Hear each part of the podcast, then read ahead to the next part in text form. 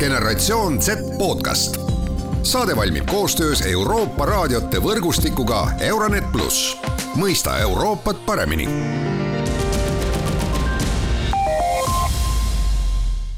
Tere, head Genset taskuhäälingu äh, kuulajad, mina saatejuht Mart Valner ja tänases saates äh, räägime noortest, kes on sunnitud oma kodumaalt üksinda äh, põgenema eelkõige räägime seda seoses siis eh, käesoleva Ukraina sõjaga. kuidas üksinda hakkama saada, mida riik Ukraina noortele pagulastele pakub ja kuidas Euroopas eh, välja näeb.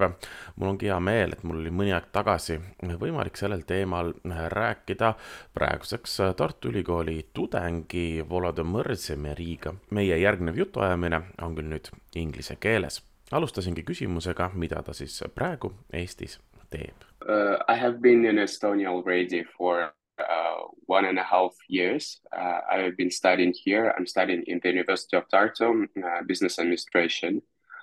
Uh, yeah, so I'm living in Tartu for like one and a half years. Okay, but you came here to study, or you came here because of of the beginning of the war, because it was about a year and a half ago. Yeah, exactly. Because of the beginning of the war, it was very randomly. Uh, when I came here, firstly, I planned to stay here for, only one month, and uh, I was planning to stay in the hotel. However, my uh, mom's friend, to who I came to, uh, she couldn't be my guardian uh, due to the income reasons, and uh, I was put into the um, foster house in Tallinn firstly, and then I was put to the foster house in Tartu. So uh, actually, I didn't plan to study here or to live any longer, but uh, eventually I understood that uh, there is some help, that there, there are studies possibilities, education possibilities. So that's why I decided to stay. I would like to ask you in that case about uh, social system in Estonia. I mean, because I, I'm, I'm really interested if you came here, uh, how well how were you received? How was the process? How did you uh, how did you manage everything and how was the, the, the system in, in, in general? Yeah, the system was very great actually. When I was put into the foster house, uh, firstly, uh, some woman came to me to take an interview, of course, and uh, then uh, I understood that there are some social uh, workers who actually work with uh, people of my age. I was 17 at that time, and um, I understood that uh, they actually care about children here. So I was uh, under 18, I was a child, and uh, yeah, they helped me a lot. They um, they search for studies uh, possibilities. Uh, they um, provided me financial help too. So I think uh, in general they work pretty well. Okay, but you came alone, right? Yeah, I came along. Yeah, yeah. It was my decision because um, my parents uh, wanted to stay together and uh, they wanted to stay there. And my dad uh, can't leave the country due to the um, age limit. He's old old enough to go to the military. Yeah. And, okay. uh, yeah. Mm. Okay. Okay. Well, that's that's uh, at least good to hear that you managed to to have the support needed and and that now you're studying in Tartu, which is which is great. I mean, Tartu is actually a really good university. yeah, as, as yeah, as I, I, am very grateful. Actually, I didn't know that there are some possibilities for Ukrainians to study here for free, but yeah, I'm very grateful that I received such an opportunity. If, if you look at the reactions in, in general from Estonia, from EU, uh, which has uh, stood rather um, uh, firmly behind Ukraine at the moment, and uh, European Union has given a lot of help and so on. If if you look at the reactions and actions in in last year and a half, uh, is it something you might have expected before the war started from the from the Europe, or uh, is it is it better worse than than hoped for? Um, speaking about Estonia, I didn't expect anything at all from the EU countries. I just wanted uh, them to help uh, with our uh, military, uh, providing finances and uh, enough resources to continue the war, as uh, you understand that it is very important. but receiving Ukrainians here as refugees and helping them, I wasn't expecting that, and I was, um, I would say, very surprised by it, and uh, it was like a positive, um, how to say, positive opportunity. Uh, so. Um, in general, I would say that they help a lot, and uh, it is great because right here I can receive education. I can uh, uh, I receive uh, financial support also so that I can continue my living because uh, back in Ukraine, my parents are not able to provide uh, me with everything. So it's only food.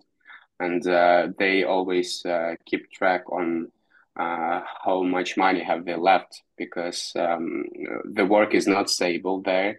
the average salary, for example, of my mom as a teacher, she, she works at school now as a psychologist and uh, the average salary for her would be 110 euros only.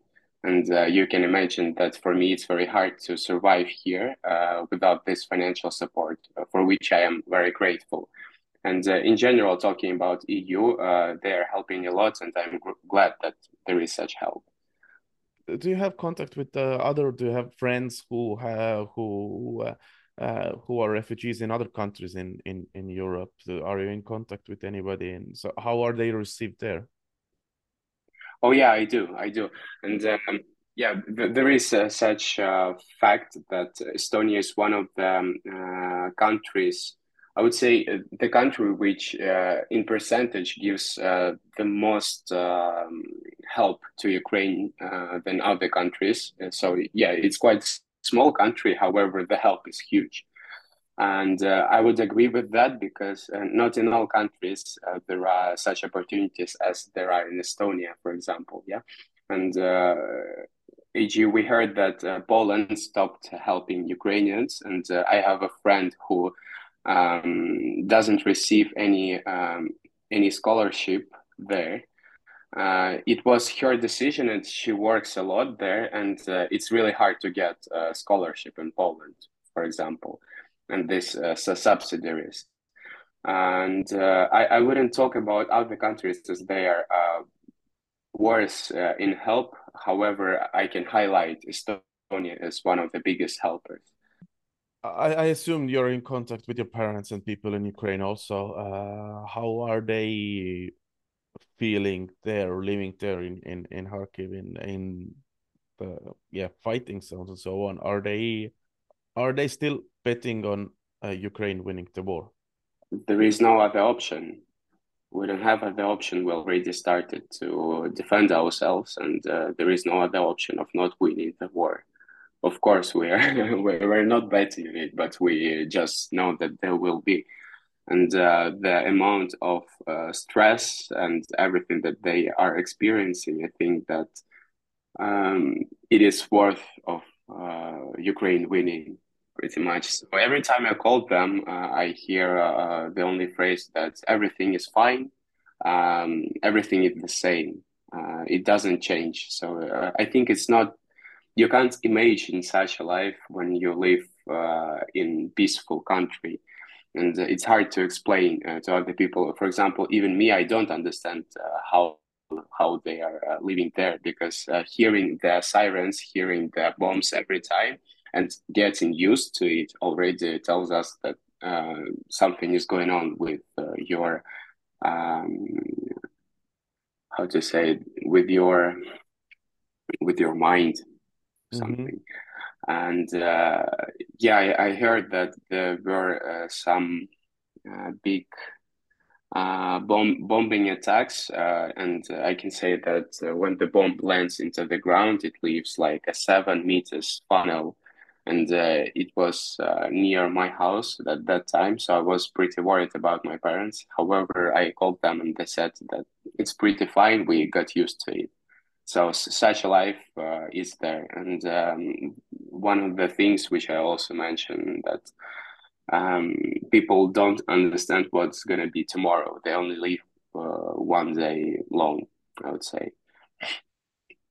That's uh, that's a really really good answer. Unfortunate answer but it's a it's a really good answer Uh, okay, for, for the ending, uh, what are your own plans for, uh, uh let's say, next uh, few years? Uh, hopefully, the war ends as soon as possible, obviously.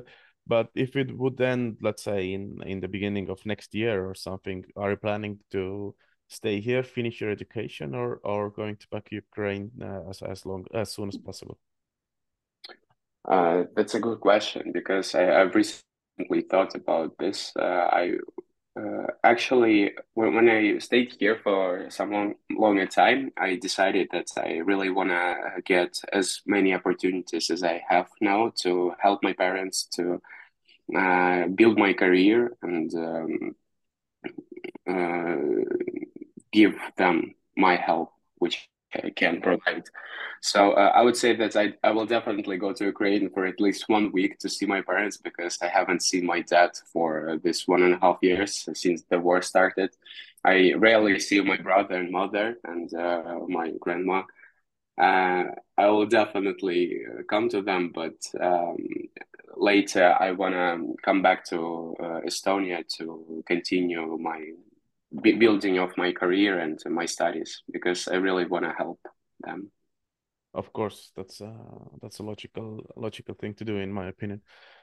Okay, but I wish you all the best and uh, and great luck with your career and hopefully, the, of course, the the war will end as, as soon as possible. We all hope that and not just end, but with you know only one outcome. Great, and thank you for thank you for such a podcast. And uh, I, am glad that there are such um, there are such projects which continue talking about war because it's really important to do. Thank you. Thank you. Generatsioon Z podcast. Saade valmib koostöös Euroopa raadiote võrgustikuga Euronet pluss mõista Euroopat paremini